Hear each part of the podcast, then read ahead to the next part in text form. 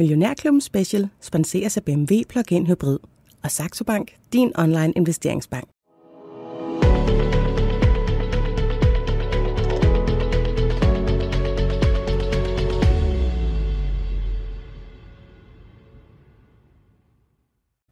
Kan du høre, hvad jeg siger?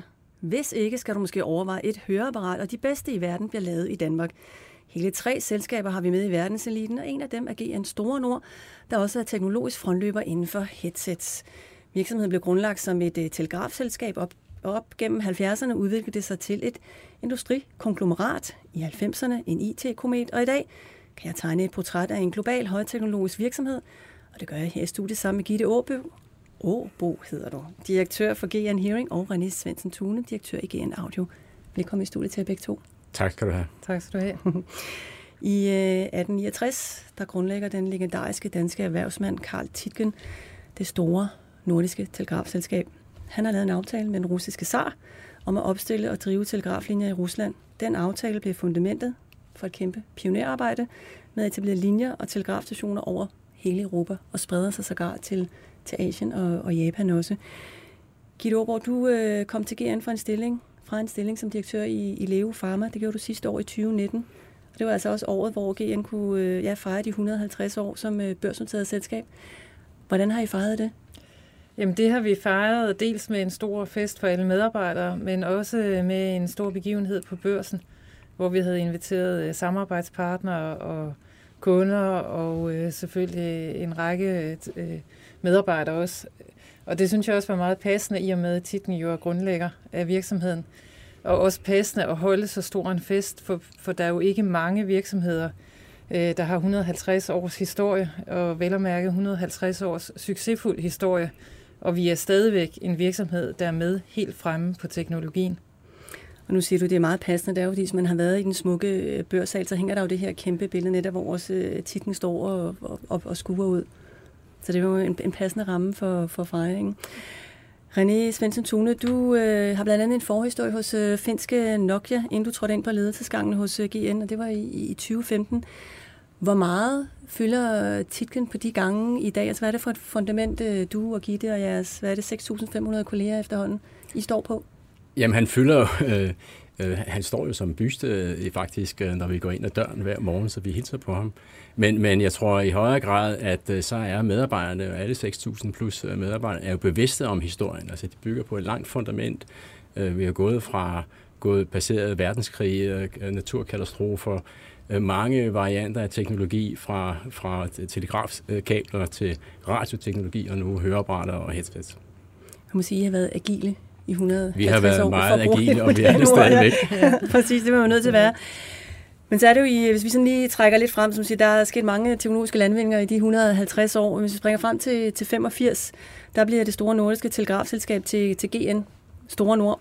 Øh, og seks år senere, der får I så den her attraktive GSM-licens, øh, som det hed, det fik jeg af de danske myndigheder. Øh, og det bliver så grobund for datterselskabet øh, Sonofon. Man kan selvfølgelig sige, at TDC de, øh, de har den anden, men det var som det første brud på, øh, på monopolet. Sonofon bliver solgt øh, til et norske Telenor for, hvad er det, 15 milliarder danske kroner i, i 2000. Herefter er der et par turbulente øh, år, øh, der i omkring et datterselskab, der hedder Nettest, som var simpelthen udset til et, et guldæg på børsen. Det blev så overhældet indenom af ja, ny teknologi, men også en, en dot-com-krise. Og så i halen på det her, der... Øh, det var jo dramatisk både for jer, men også for, for aktionærerne. Der vælger I så netop at skabe øh, to ben. GN Hearing, tidligere GN Resound, der fremstiller høreapparater, og GN Audio, tidligere GN Netcom, der fremstiller headsets.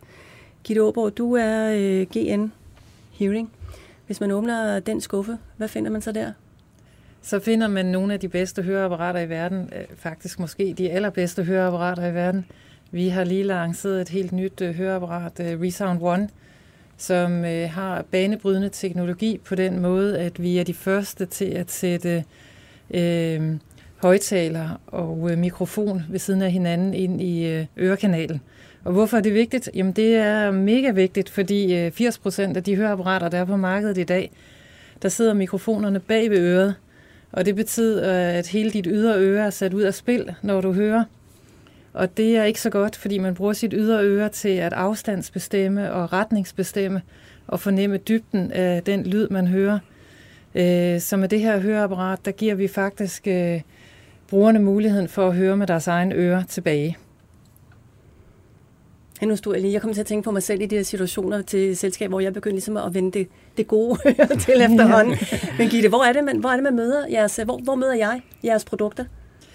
Jamen, dem møder du for eksempel hos øh, den lokale audiolog, altså hørelæge, som, øh, som sælger, vores, eller, ja, sælger vores produkter og hjælper med, at de bliver tilpasset lige præcis dig. Fordi at det er sådan, at øh, den måde, vi hver især oplever lyd på, er helt individuel, lige så individuel som vores fingeraftryk.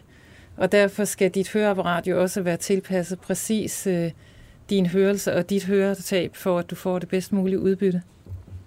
Så jeg skal ned til en audiolog, og det er der, jeg møder jeres øh, produkt med Gitte Det er jo også lidt jeres øh, hemsko, at jeg skal faktisk erkende, at jeg har et høretab, før jeg går ned til en audiolog og siger, at jeg, jeg hører dårligt. Sådan gennemsnitsmæssigt, hvornår er det så, at det, I har førstegangsbrugeren inde hos jer? Det er helt klart en af de store udfordringer, der er. Altså, der går i gennemsnit mellem 7 til 10 år, fra man begynder at få nedsat hørelse, til man erkender, at øh, nu er det måske på tide, man får et høreapparat. Og ofte er det faktisk måske ens ægtefælle, eller ens øh, voksne børn, der erkender, at nu er det nok på tide, at øh, man kommer ned og får en, øh, får en høreprøve. Mm. Og det er jo en af de sådan store øh, udfordringer, vi står med. Jeg kan huske, da jeg kom til GN for et år siden og holdt det første sådan, informationsmøde for medarbejderne, der var der en, der spurgte mig, om øh, kunne du selv tænke dig at gå med høreapparat? Og jeg må da indrømme, at jeg lige tænkte mig om, inden jeg svarede, men, øh, men nu er jeg jo øh, så privilegeret at have den viden, at jeg ved, at hvis man har nedsat hørelse, og ikke gør noget ved det, jamen så er man en fem gange større risiko for at blive demens. Og øh, i det hele taget påvirker det ens øh, mentale sundhed, hvis man øh, har nedsat hørelse og ikke behandler det. Så mit svar er helt klart ja. Øh, hvis jeg har brug for et høreapparat, så vil jeg meget gerne have et. Det med demens, det mindste jeg, det var jeg faktisk ikke øh, klar over. Det var, jeg skulle selv bestille en audiolog. Men du har ikke selv høreapparat endnu, Gitte Åbo, kan jeg næsten tolke af det? Ikke nu, men øh, jeg får faktisk testet min hørelse en gang om året, fordi øh, ja, det er vigtigt, og det er jo også vigtigt for hele ens sociale øh, engagement, at man ikke øh, enten trækker sig i sociale sammenhænge, fordi man ikke kan høre, hvad der foregår, eller mm. den anden strategi, som man måske også kan jagte hos ældre familiemedlemmer, det er, at de totalt dominerer samtalen. For det er jo den anden måde at kompensere for det på, hvis man har svært ved at høre. Jo, det der med, at man sidder i et stort selskab, og lige pludselig så bliver alle øh, stemmer til et, og efter to timer må man ligesom sige farvel og, ja. og tak. Mm. Ja. Og jeg er ikke engang blevet 50 endnu, og jeg har det sådan. så det kan være, at jeg skulle have det testet. Vi skal lige vende tilbage til det her med øh, nye øh, ja, kunder i butikken. Er det for jer, men det her med, med høretab? Fordi René Svensson Tune, i din øh, butik øh, headset, hvad har du at byde på der? Ja, så vi, vi leverer jo headsets. Vi er jo en højteknologisk virksomhed, som øh, fokuserer på at øh, øh, levere øh, headsets øh, til alle mulige. Mange tror, at headset er et headset, men øh, vi leverer headset til kontaktcentre, vi leverer headset til kontorer, vi leverer headset til dig og mig, når vi går på gaden og lytter til musik, eller som vi er nede i fitnesscenteret og skal have noget musik til øh, workouten. Øhm, hovedparten af forretningen leverer headset til professionel brug. Mm. Det vil sige, det er folk som dig og mig, når vi er på kontoret, og vi kommunikerer med folk øh, rundt omkring i verden, eller i den anden ende af bygningen.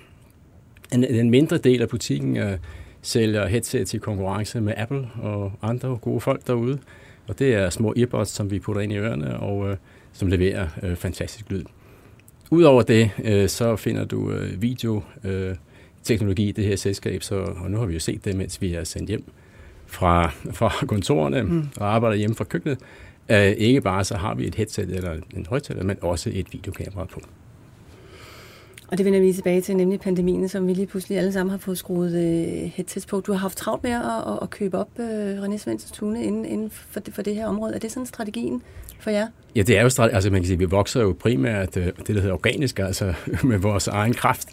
Men i tillæg så har vi jo foretaget en række opkøb, og det gør vi gerne igen. Og det er jo det er typisk inden for uh, områder, hvor vi kan øh, accelerere noget, vi måske selv vil udvikle, man kunne gøre det hurtigt gennem opkøb, eller hvor vi hurtigere kan få adgang til markedet. Mm. Du har været i USA og købt blandt andet inden for video- og, og konferencefeltet. Ja. Gaming feltet? Hvor ja, det spørger, det spørger alle os jo om, om vi ikke skal have et gamingselskab, og ja. vi spørger også os selv, øh, jævnligt. Øh, det kan da godt være, at vi skal, men vi har ikke fundet et endnu, øh, som, øh, som har den, øh, øh, man kan sige, det fedt, øh, som vi har let efter. Men måske en dag. Mm, så hiver vi fat i dig igen. Gitte Aarborg, øh, det her marked, som du siger, vi, der går et stykke tid før vi erkender, at, øh, at vi er døve, eller bare har hørenedsættelse. Og I er jo ikke alene på det her marked, fik jeg også sagt. Der er nogle andre stærke danskere, der er dement, og så er der også Videx, der jo har slået sig sammen med, er det Sivantos? Ja. Tak, nu skal lige have helt på plads. Mm. og selvfølgelig også Siemens, som, som de helt store. Og det primære marked er USA, det er der, I, I slås. Øh, Øh, jeres, dit, jeg skal jo så sige, øh, stærkeste kampvåben i den her øh, kamp, hvordan ser det ud? Jamen, vores øh, stærke kampvåben er jo det, vi øh, har, som virksomhed har brugt i masser af år, og det er at have en, øh, en dyb teknologisk forståelse, og simpelthen altid være først med den nye teknologi. Øh, når vi evner at kombinere det med en dyb forståelse for kunden og kundens behov, så er det jo, at vi kan levere teknologi, som er helt, med helt fremme, som for eksempel vores nye høreapparat, hvor vi er de første til at sætte øh, en mikrofon og højtaler ind i øret. Og det er jo øh, baseret selvfølgelig på teknologiske landvindinger, at vi kan det. Øh, så vi fjerner hele den resonans, der ellers er, når man har en mikrofon og højtaler op og ned af hinanden. Ikke? Øhm, men det er jo også en dyb forståelse af, hvad er det, der sker, når man hører. Altså, hvordan giver vi den optimale lydoplevelse til brugeren. Så, så de to ting, når de går hånd i hånd, jamen så øh, står vi også stærkt i konkurrencen. Er der andre funktioner sat ind i det, det nye høreapparat, end det du siger her med højtaler det i et? Jamen, der er en masse andre funktioner øh, på den måde, at, øh, at høreapparatet også bruger kunstig intelligens til at indstille andre ting, øh, der er afhængig af, hvilken øh, baggrundsstøj der er i de, de omgivelser, du befinder dig i. Er du i en, øh, en samtale, som vi er nu, øh, så er det jo trods alt et relativt lavt lydniveau. Er du til middagsselskabet, jamen så er lydniveauet måske lidt højere. Og der bruger høreapparatet for eksempel kunstig intelligens til at øh, forstærke lyden fra den person, du kigger på. Så at øh, det tænker, øh, hvis man kan sige, at det er om et høreapparat, men det antager, at, øh, at øh, hvis jeg kigger på dig, så er det fordi, jeg gerne vil høre, hvad du siger. Hvis jeg mm. kigger på René, jamen, så er det fordi, jeg gerne vil høre, hvad han siger. Så forstærker det, øh, det lyden fra den person, man kigger på, og ikke bare, at man automatisk kommer til at høre den, der taler højst. Mm. Hvis vi tager øh, teknologien, så et, et andet temmelig afgørende punkt i GN's øh, historie, det sker i 2006, hvor I jo indgår en aftale med øh, om at sælge GN øh, Resound til svejsiske Sonova, der dengang hed øh, Fonac. Det kommer så ikke til at ske. De tyske konkurrencemyndigheder de siger, øh, nej, det bliver for stort, det bliver for monopolagtigt.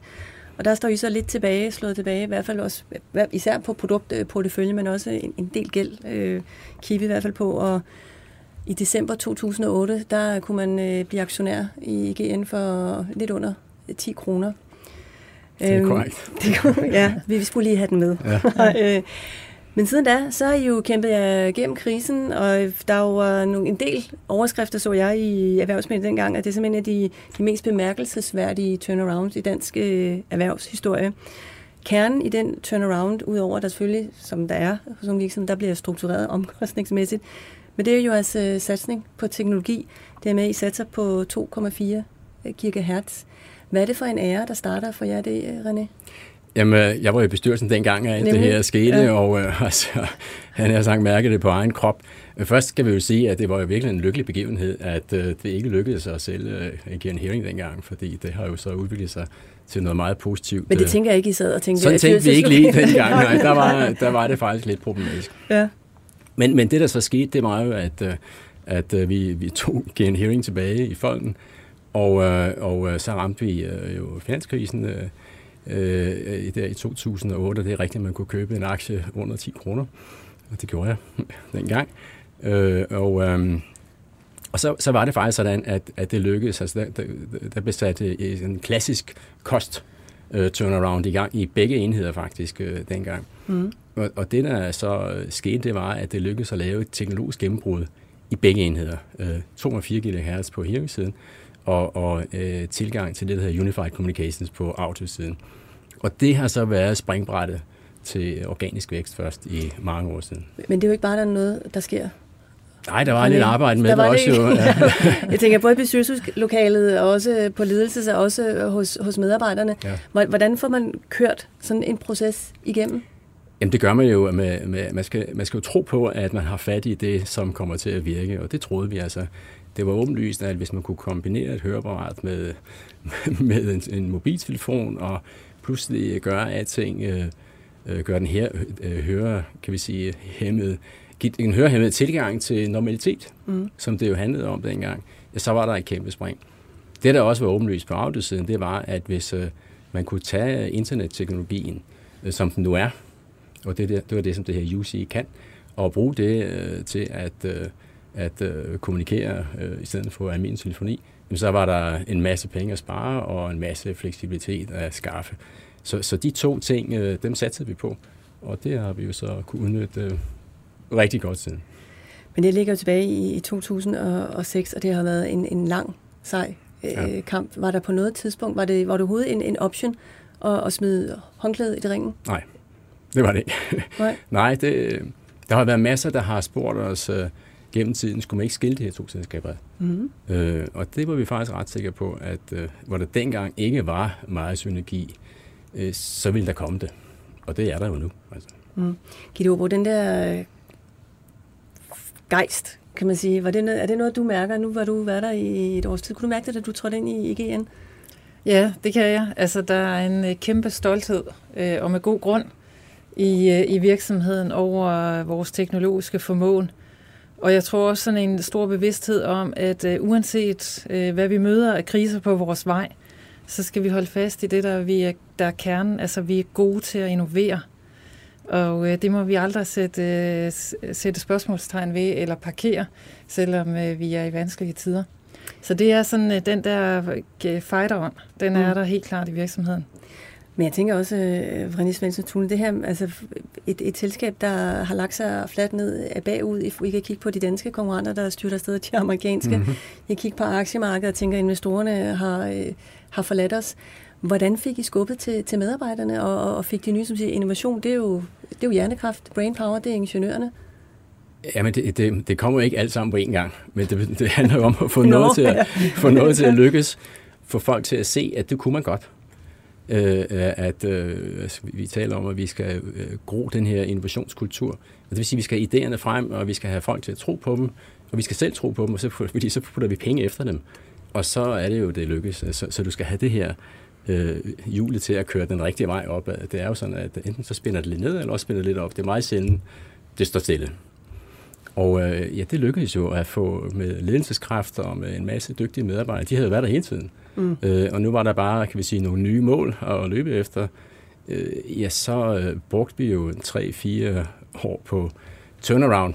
Men derefter var det jo ikke turnaround, så var det et spørgsmål at udvikle virksomheden, som I var i, i en sund gang. Mm. Men det tænker jeg også er et, et, et kæmpe spring, også ledelsesmæssigt. Det der med at skulle øh, styre en, en turnaround til at skulle flytte fokus på, øh, på vækst. Øh, lå det i generne hos jer at lave det skift? Jamen, nu har vi jo 150 års historie bag os, som, hvor man har kunne gøre det her ja. Øh, mange gange, men ikke bare, skal vi sige, gået fra øh, krise til vækst, men også gået fra den ene teknologi til den anden teknologi, øh, og fra det ene markedssegment til det andet markedssegment. Mm. Så det lå vel i historien og, og generne. Men det er klart, at, at det, der selvfølgelig også har hjulpet os, det er jo, at der er en kraftig teknologisk udvikling derude, og nogle store spillere i markedet, som kan udvikle markeder, som vi måske ikke selv har kunnet. Hvis man så engagerer sig med dem, ja, så, kan du, så får du en ekstra kraft, øh, så du kan øh, skubbe ind i det her marked. Man skal lave noget, der er relevant for den næste fase, og det var vi heldige at gøre. Det tænker jeg ligesom er fingerregel nummer et ja. Øh, generelt i, i business. Det er ikke relevant, så er I ude af, af markedet. Så er vi ude af Hjertet i GN, det er det teknologiske udvikling, øh, og i det der ligger der de her IP'er, øh, patenter og, og intellektuelle rettigheder, som I faktisk sidder rigtig godt på.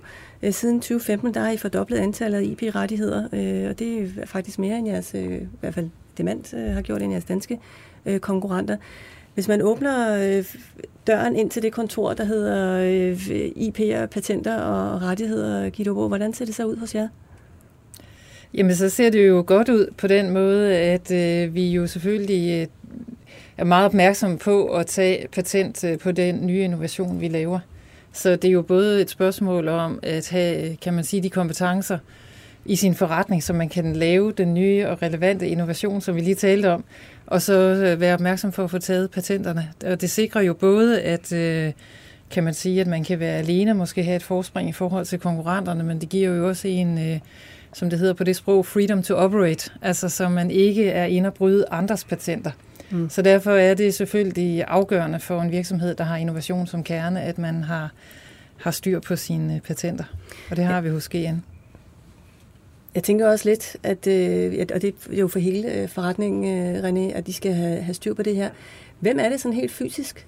Der sidder, selvfølgelig er der en, en juridisk afdeling, men jeg tænker også, hvis man åbner døren, og så sidder der en række ned af ingeniører, eller hvordan?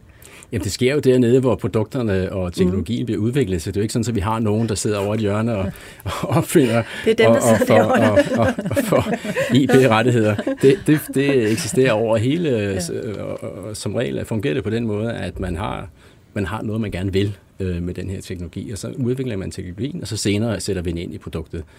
Øh, og vi skal jo have IP-rettighederne, øh, når vi har teknologien, og før vi sætter det ind i produktet i virkeligheden. Mm. Fordi der kan det være for sent. Så det, så det er noget, øh, at innovationen den sker bredt i, øh, i research, hvad hedder det på, på dansk, men uh, udvikling. Udviklingsafdelingen, ja. ja og mm. så skal vi selvfølgelig sørge for, at vi smider nogle penge efter det på de rigtige tidspunkter. Er den kamp øh, blevet sværere? Man kan sige, I kender jo næsten jeres, øh, jeres modspillere. Det har I gjort i, i lang tid. Der er sådan en, en 5-6 top, jeg har nævnt den. Mm. Øh, kineserne har jo også meldt sig øh, ja. på banen, må man sige, inden for de sidste øh, fem år. Den øh, kamp, den øh, frontlinje, øh, hvor langt fremme er I i den? Øh?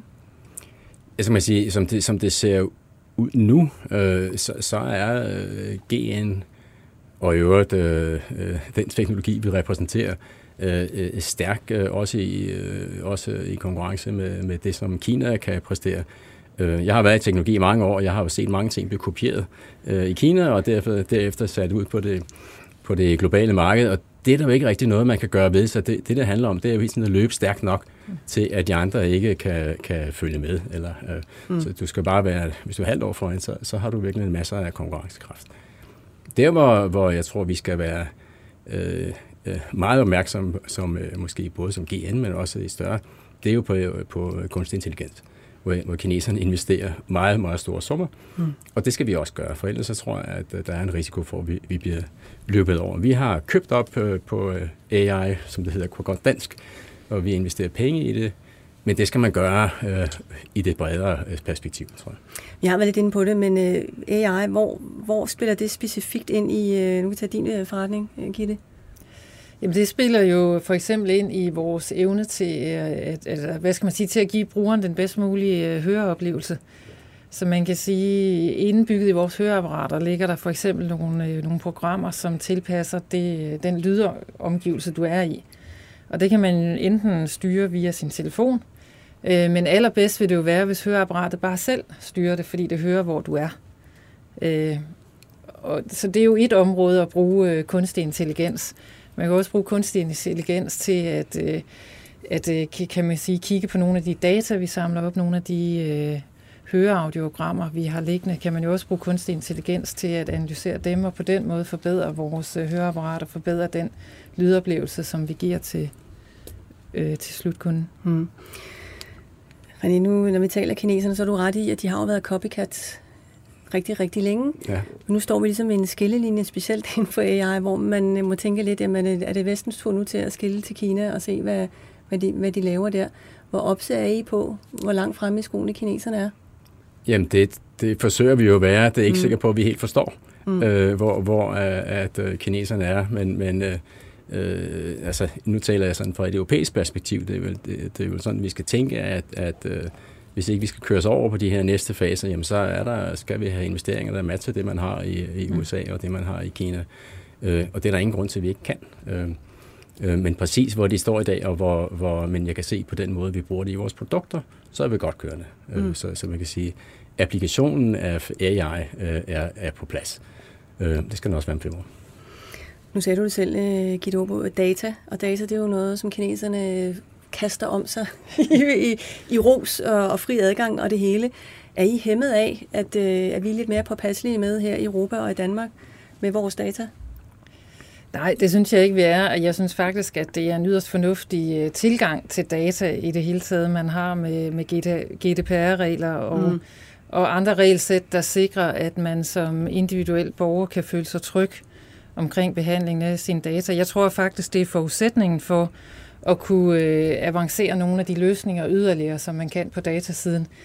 Altså, vi har jo øh, her i foråret lanceret en løsning, som kan øh, gør, sætte audiologen i stand til at øh, lave et audiogram og tilpasse høreapparatet på, på afstand, så man i virkeligheden kan få det gjort hjemme i dagligstuen. Men den løsning kunne jo også bruges til at øh, levere en række andre services hjem til, til brugeren, forudsat at man har adgang til de individuelle data. Og jeg tror, det kan kun ske, hvis der er en tryg ramme, at øh, det foregår i, og det gør det med, at det GDPR med til at sikre, at det kan ske under de vilkår. Mm.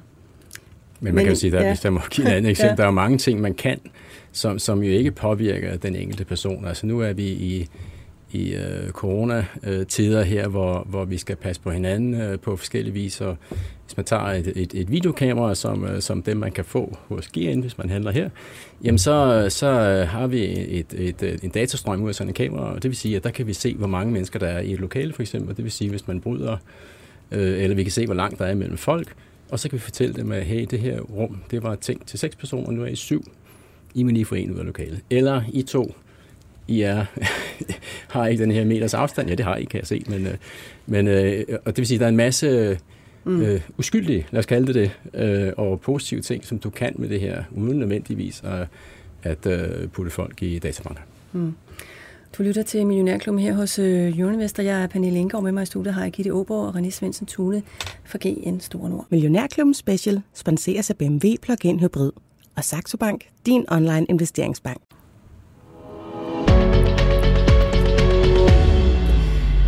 Nu øh, kommer vi lidt ind på det, øh, pandemien, og vi skal sådan kigge lidt øh, fremad til, hvad der ligger øh, der. Pandemien står vi midt i, det gik løs i starten af øh, ja, her lader vi mærke til det i slutningen af, af, af februar. Gitte, din øh, forretning, hvordan er den øh, blevet påvirket her på den korte bane af, af covid-19? Jamen, der har været en ret kraftig øh, påvirkning på vores forretning i øh, den negative retning, forstået på den måde, at vi så øh, i løbet af april, at vores salg øh, nærmest faldt med 80 procent, så vi kom ud af andet kvartal med en nedgang i vores omsætning på, øh, på 54 procent. Og, øh, og det er jo selvfølgelig forståeligt på den måde, at øh, for det første, der i starten af, eller ja, i foråret, der var det store del af verden jo i lockdown. Mm. Øh, og dernæst kan man sige, at vores kundegruppe er jo i høj grad øh, mennesker over 65.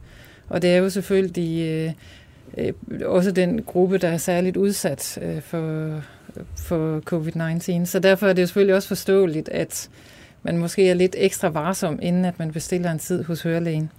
Vi har problemet med simpelthen, at man kan ikke komme ned til radiologen og, og, og blive målt og få sat et apparat på. I starten var det i hvert fald problemet, for der var en række høreklinikker, der simpelthen var lukket. Mm. Øh, nu er de åbne igen, og man kan sige, at de, får, de tager jo de nødvendige sikkerhedsforanstaltninger, så når man kommer derned, jamen, så er man den eneste kunde, der er der osv.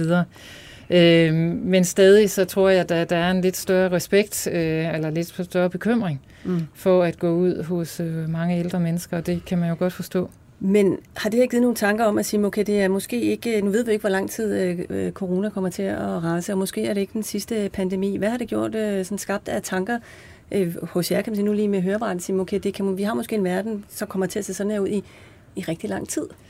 Jamen for os har det da fået os til at tænke over, hvordan kan vi ellers levere den her, øh, den her service? Øh, fordi det, man skal huske på, det er jo, at behovet for at høre, det er der stadigvæk. Måske endnu mere, når man sidder hjemme i lockdown, fordi så er kontakten til ens øh, kære går via telefonen. Og det er altså rigtig svært, hvis man har, har nedsat hørelse. Så, øh, så derfor har vi jo også øh, arbejdet på at lancere sådan løsninger, så, så man både kan øh, få lavet sin høreprøve og... Øh, få tilpasset sit høreapparat, når man sidder hjemme i dagligstuen. Og det er selvfølgelig relevant nu, men jeg tror også, at det er relevant øh, på lang sigt, fordi øh, en række ældre mennesker er ikke nødvendigvis så mobile, mm. og føler sig måske det hele taget mere trygge, når de sidder hjemme i, i kendte rammer. Hvorfor har I ikke gjort det før? Det er jo et rigtig godt spørgsmål, men, øh, men jeg vil sige, det er jo selvfølgelig noget øh, innovation, vi allerede arbejdede på. Vi valgte så at accelerere det øh, da, da vi så øh, effekten af, af pandemien. Så det er jo en tanke, der allerede var tænkt øh, for et stykke tid siden. Men det er jo det digitalisering, jeg så. Det var, jeg tror på LinkedIn, en eller anden, der sagde, jamen, altså, hvem er det, der digitaliserer øh, verden og skubber til det? Er det den administrerende direktør? Er det udviklingsdirektør? Nej, det er covid-19, der har sat gang i, i det der. Og altså også, ja, giver det sådan lidt kniven for struben. Det er jo rigtigt. Altså, jeg tror, der er, jeg har set uh, rapporter, der siger, at uh, covid-19 har gjort, at vi har accelereret den digitale uh, brug uh, mm. med, med noget, der ligner fem år. Men jeg tænker også, jeg har også nogle dispenser, altså de butikker, der så lige pludselig hænger lidt uh, for sig selv, jeres gode samarbejdspartnere, der ligesom ser, at uh, hov, I har ikke brug for os længere. Det har vi så stadigvæk, fordi selvom det foregår på distancen, så skal der stadigvæk være en audiolog indover til at sikre, at uh, høreapparatet bliver tilpasset lige præcis øh, den måde, du hører på. Det vil jeg gerne lige udfordre dig lidt senere. René, ikke, ikke, nu er der ikke nogen, der sidder og klapper i hænderne over, at vi har en, en pandemi øh, kørende, men det har været positivt for din øh, forretning, må man sige. Ja, det må vi jo sige. Altså, ja. Det er jo en meget ulykkelig situation, det synes vi alle sammen, men, men, øh, men øh, det, der var sket, det var jo, at øh, vi alle sammen blev sendt hjem i, ved køkkenbordet, eller i soveværelset, eller hvor vi nu har siddet og passet vores arbejde. Og for at fungere sammen med kollegerne, jamen, så skulle vi have noget udstyr, der kunne kommunikere med. Og det betød, at efterspørgselen, altså det vi leverer, øh, eksploderede og øh, langt øh, oversteg det, vi rent faktisk kunne levere i, i mange måneder, og vi er faktisk stadigvæk lidt der. Bagud med leverancerne, eller? Nej, vi er foran med ordrene. det var en god vending. så, jeres udfordring simpelthen være at, at, kunne følge med efterspørgelsen? Ja, altså man kan sige, det, det, blev til, det blev til, at uh, vi, vi, vi solgte mere, end vi havde planlagt, og det vil mm. sige, vi skulle, øh, det startede jo uh, med, at uh, fabrikkerne og forsyningskæden lukkede ned, uh, ligesom vi har gjort mange andre steder. Det blev så lukket op, Kina kom tilbage, Mm. Øh, og så øh, skulle vi have truffet de beslutninger, der skulle til for, at øh, vi kunne øge produktionen, og vores partnere kunne få komponenter, at vi kunne få fløjet det til øh, resten af verden, og, og så videre, så videre. Og, og det er jo så lykkedes øh, så er der uge for uge og måned for måned at øh, få sat farten op, øh, og det betyder selvfølgelig, at vi har, har leveret øh, foran det, vi havde fortalt øh, investorerne, vi ville, øh, men også øh, foran det, vi selv havde tænkt, vi skulle. Mm. Så der, øh, selvom der er lidt uligevægt, så, så halter butikken ikke lidt på, sådan overordnet set, der er ligevægt her øh, under pandemien. Ja, for vi, vi talte jo lidt tidligere om, mm. at vi har haft den her diskussion. Skulle man have skilt de her to butikker ad øh, for lang tid siden? Lige nu, øh, der tror jeg, vi beviser, at det var en god idé at holde sammen. Jeg tror, der er en del, der snakker om, at det er godt, at man har forskellige ben at, at stå på. Mm. Men sådan rent øh, udviklingsmæssigt, René, nu har du sagt været inde på det, at vi køber op AI af, ja. af vejen frem, men har pandemien skubbet til nogle ting, øh, hos dig i at sige, det her skal vi simpelthen have mere fokus på? Ja, som jeg siger, øh, for det første så, øh, så, så har altså, vi har beskæftiget os med fleksible arbejdspladser i mange år. Vi har talt om det her. Man behøver ikke nødvendigvis at sidde ved siden af hinanden på, i Stormhuskontoret, og vi har udviklet øh, grej til at supportere det. Men det er klart, at, øh, at øh, i og med, at øh, vi pludselig har set, at så mange udnytte den øh, mulighed at arbejde øh, øh, hvor som helst, at de her platforme som øh, Teams og Zoom og hvad de nu hedder, mm. var skalerbare i et omfang, ingen vidste. Der var ingen, der vidste, om man kunne sende så mange folk hjem, og det rent faktisk virkede. Det gjorde det jo. Øh, jamen det har jo vist os, at øh, som Gitte siger, vi har accelereret øh, det fænomen, som måske kunne have taget en overrække. Nu er det ganske almindeligt, at vi, vi har vi arbejder sammen med vores kolleger via et headset eller en lille højtaler og et kamera.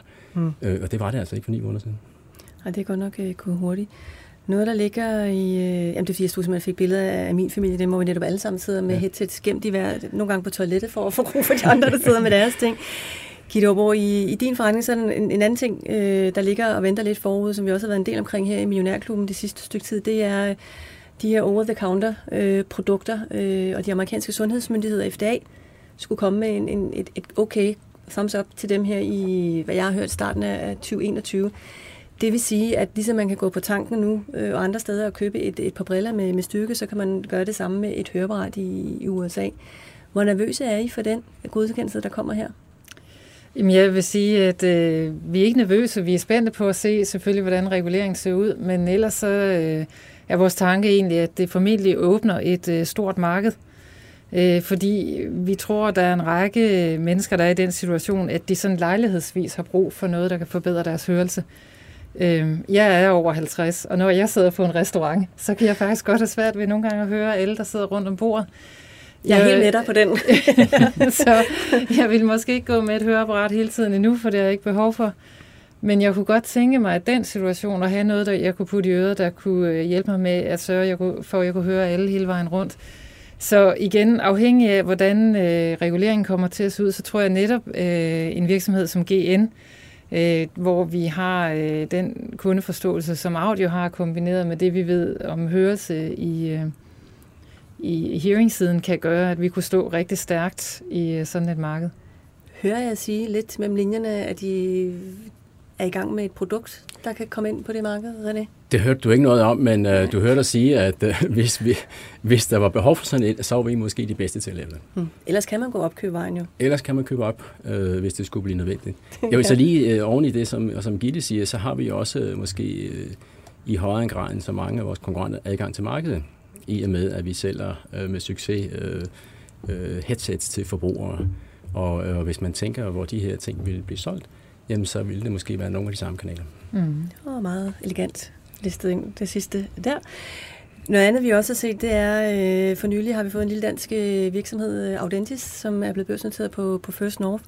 Og de øh, vil kalde det, de, de går sådan ned i markedet, de vil koncentrere sig om øh, blandt andet øh, Indien, øh, hvor øh, altså sådan lav indkomstområder, og deres apparat, det er skal om øh, bag ørerne og, og fortryder også sådan lidt øh, headset-agtigt, men, men meget billigere end, øh, end jeres. Hvad siger du til, til den? Øh, det er jo så også en ny dansker, der rykker ind i markedet, Gitte. Tager ja. de noget fra jer? Nej, altså jeg tror, øh, at det, vi, vi hilser jo konkurrenter velkomne, og vi er jo også i den situation, desværre var jeg lige ved at sige, at det er kun øh, hver femte person med nedsat hørelse, der faktisk øh, bruger et høreapparat i dag.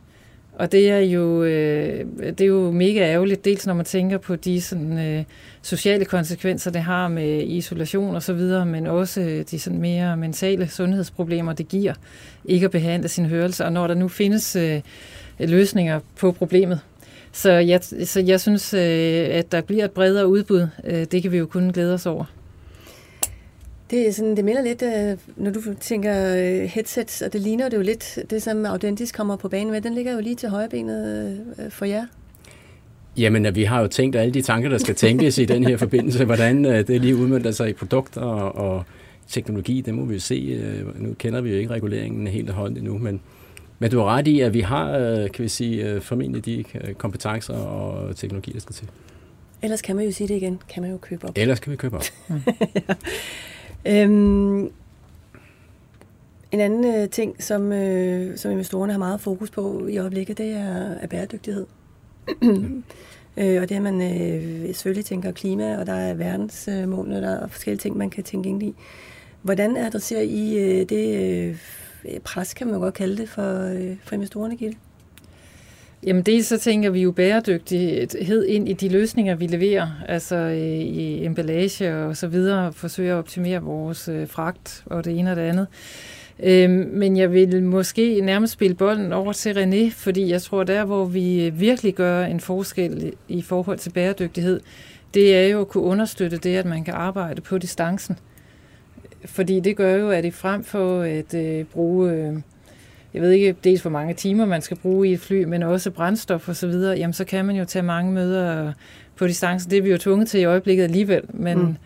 men det kunne men, man jo fortsætte med at arbejde på den måde. Er det sådan et, et bevidst fokus?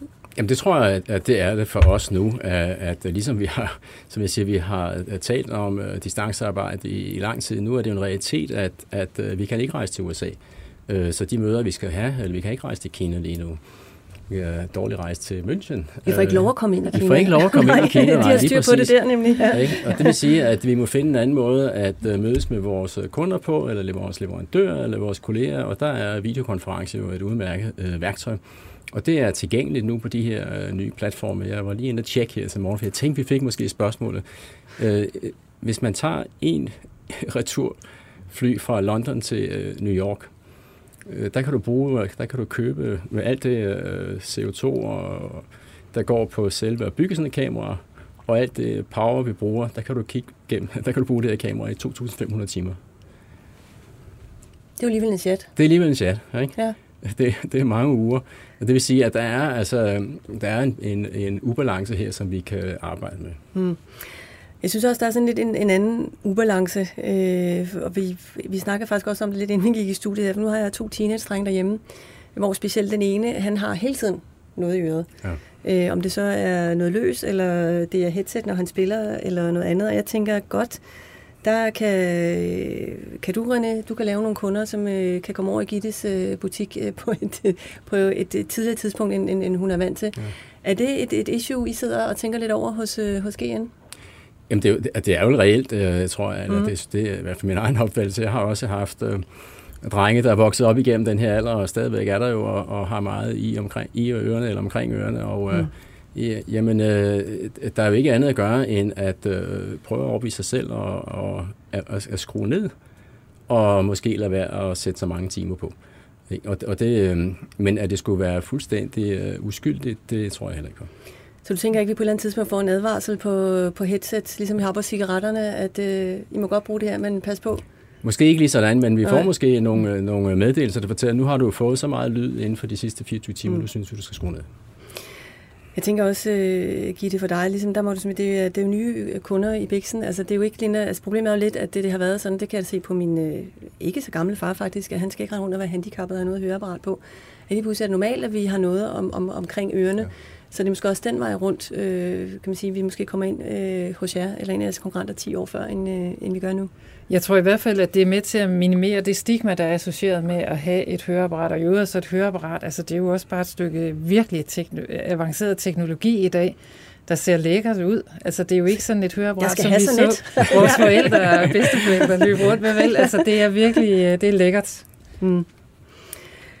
Øhm, sådan rent øh, ledelsesmæssigt øh, fremadrettet, så tænker jeg også, det hører jeg også en del af de gæster, vi har i studiet her, at øh, vi også været inde på det, at vi er blevet rusket godt og grundigt, både mm. i, i fundamentet, men også øh, som leder i de her virksomheder. Der, øh, jeg hørte, det var Kasper Røsted fra Adidas, der sagde øh, lige ud, jeg var pisse bange.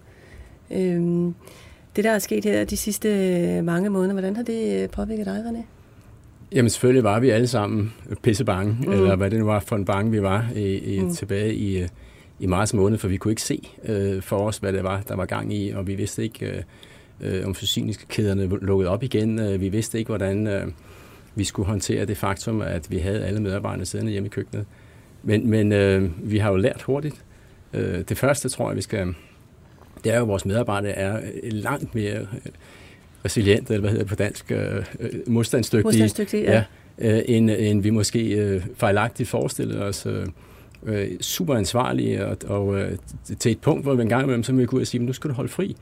Øh, den her time, som man brugte på at køre på arbejde, den blev brugt foran skærmen, og den time, man brugte på at køre hjem, den blev også brugt foran skærmen. Så, så man kan sige, det har vel været øh, øh punkt et, at, øh, at vores medarbejdere er virkelig gode til at klare sig i Øh, Omskiftelige tider. Omskiftelige tider, ja, det er vel det, vi skal bruge. ja. Øh, og så er det klart, så, så har der selvfølgelig skulle, øh, skulle vi organisere os, og vi skulle kommunikere formentlig mere, end vi ellers havde gjort. Og det mm. kommer vi nok til at blive ved med, tror jeg faktisk. Mm. Jeg får tænker, der må også være nogle forretningsgange, der ændrer sig mellem jer og, og ledelseslaget, Gitte? Jamen, jeg tror i hvert fald også noget af det, jeg selv har lært, eller vi har lært, er jo det her, at øh, beslutninger kan faktisk tages hurtigt og eksekveres hurtigt, hvor man måske før kunne have sådan en tendens til, at vi laver en lang analyse, så beslutter vi, om vi skal ændre øh, på den her forretningsgang, og så implementerer vi.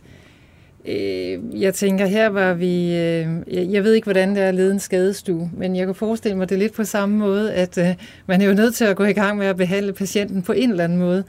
Og sådan var det måske også lidt at lede virksomheden lige der i starten. Man var nødt til at gøre noget, og så hvis man opdagede, hu, måske skal jeg lige dreje det herover, ikke? En bandage her, en bandage der til sidst, så har vi en hel patient, der fungerer. Ja, det, det handler jo netop om at komme af med bandagerne igen. Så ved... præcis, lige præcis, men den der evne til hurtigt at få lavet omstillinger, den skal mm. vi jo holde fast i. Altså mm. hvis vi kunne gøre det på øh, to-tre dage i april, så kan vi vel også gøre det på to-tre dage i oktober.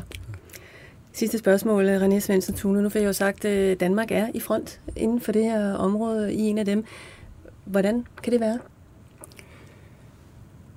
Man kan sige, der er en lang historie omkring lyd i det her land. Mm. Øh, vi har tre høreapparatselskaber. Du har Bang Olufsen, du har øh, soundbox, du har øh, mange forskellige ting.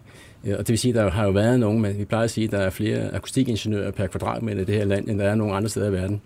Og det har jo i hvert fald været en, øh, det, det her kloster har jo, har jo gavnet de her selskaber, fordi vi mm. kan få meget dygtige medarbejdere.